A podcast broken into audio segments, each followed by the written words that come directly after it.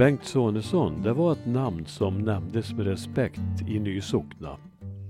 Han var kunnig på många områden, speciellt när det gällde djur och natur och även om de gamla gårdarna i Sockna.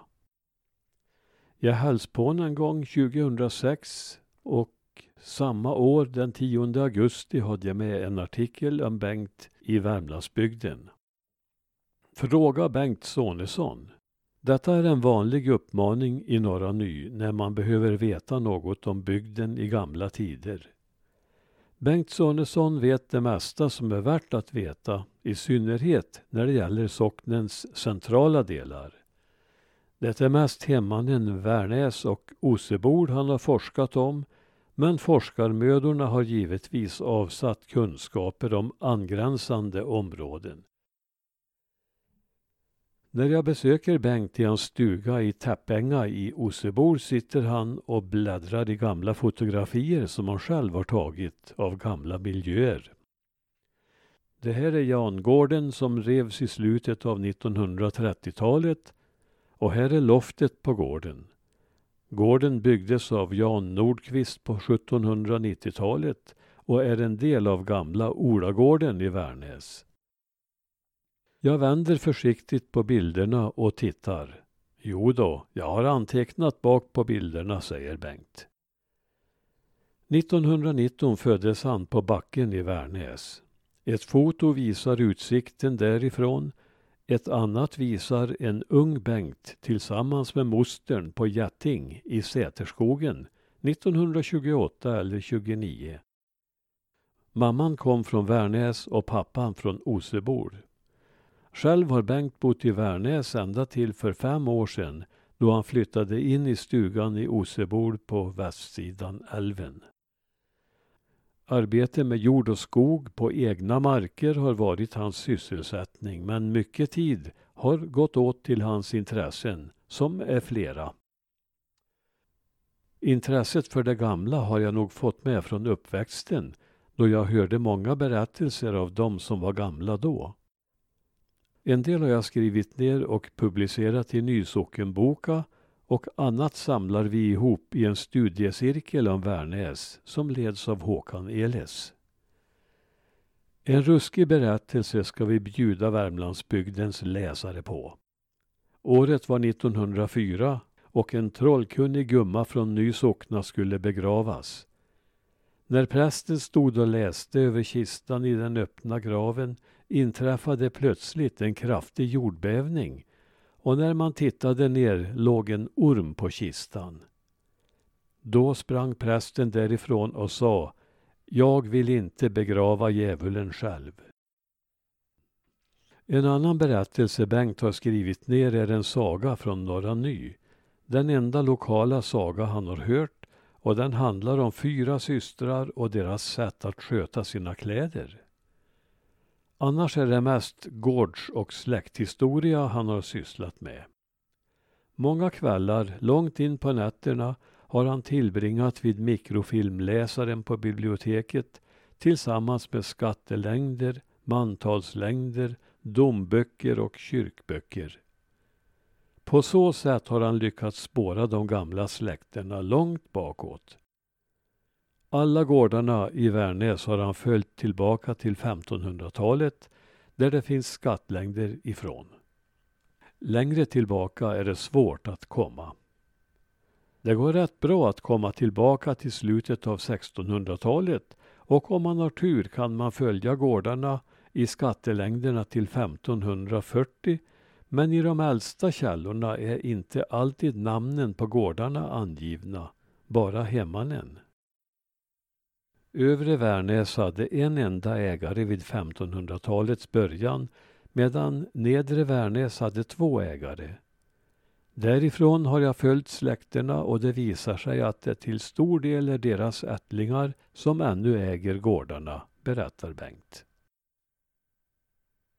När det gäller torparna i Värnäs har det visat sig att också de härstammade från dessa släkter. De var väl ett resultat av överbefolkningen.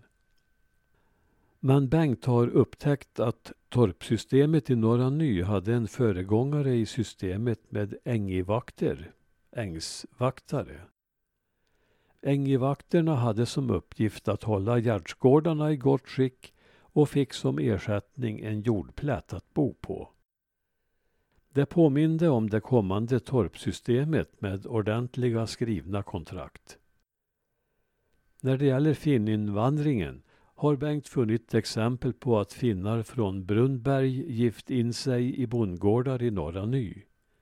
Så alla fortsatte inte västöver till de djupa skogarna och inte var det heller några speciella motsättningar mellan finnar och svenskar. Inte större än det kunde bli inom folkgrupperna. Medan Bengt sätter på kaffepannan kommer vi in på resonemanget om det gamla språket i Klarälvdalen. Och det visar sig att han är väl insatt också i detta ämne och att han har gjort egna iakttagelser och analyser. Men någon förklaring till det surrande i-ljudet i norra delen av socknen finner vi inte. Hans beskrivning av det är att det ligger nära s-ljudet och det kan vara nog så riktigt. Ett gammalt lokalt uttal av d-ljudet ligger nära det isländska tonande läspljudet, har han konstaterat. Bengts intresse för det gamla och ursprungliga har också gjort honom riksbekant inom området fåravel.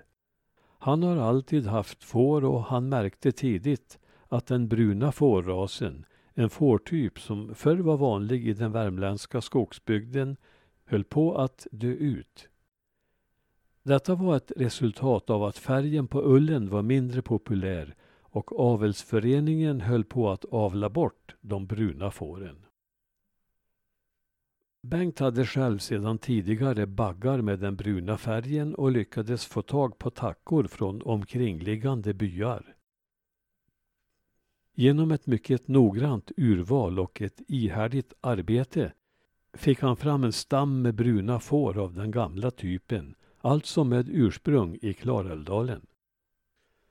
Det har varit svårt, säger han, för såväl vitt som grått och svart dominerar över brunt. Ett par tackor hämtade han från Munkebol och ett par från Brannäs. I Benteby fanns en vit tacka som visade sig vara bärare av bruna anlag. Det fanns tidigare bruna tackor med horn, säger han, och sådana tackor avlades också bort. Men i den stam jag har fått fram finns det några som har horn.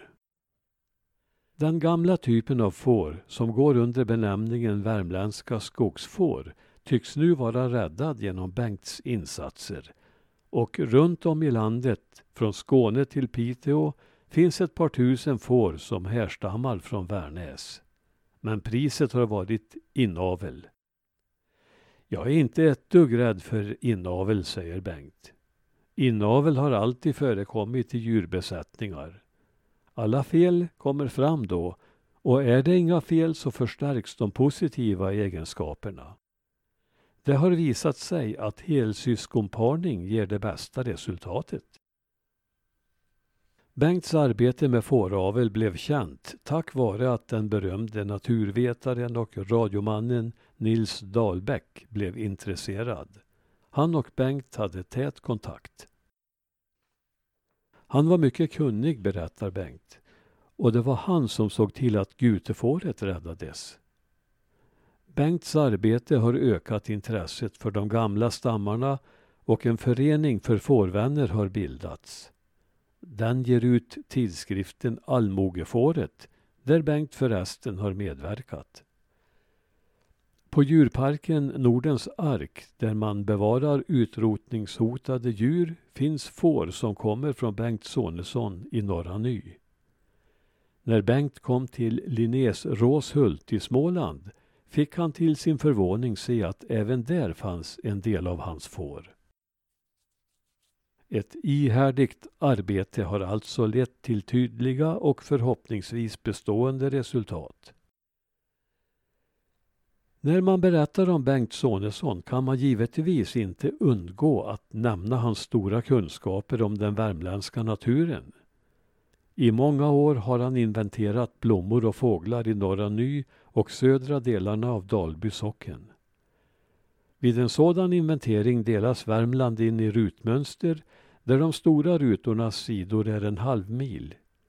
Det har hunnit bli många sådana rutor som Bengt har genomströvat med block och penna och noggrant noterat samtliga kärlväxter och fågelarter. Allt som allt har han identifierat omkring 360 olika växtarter men räknar med att det kan finnas närmare 400 om man räknar med sådana som spritt sig från bebyggelsen.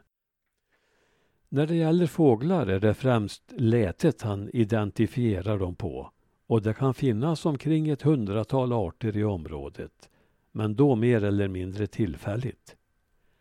25 arter i en ruta är ett ganska bra resultat enligt Bengt.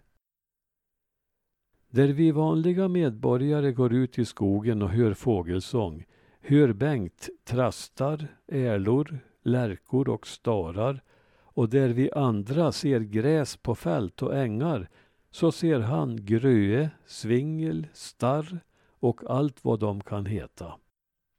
De flesta arterna identifierar han lätt, även om han ibland får ta till förstoringsglaset. Det händer att han än idag gör sina turer och tittar efter växter. Men jag håller mig närmare vägen nu, säger denne högst vitale 87-åring.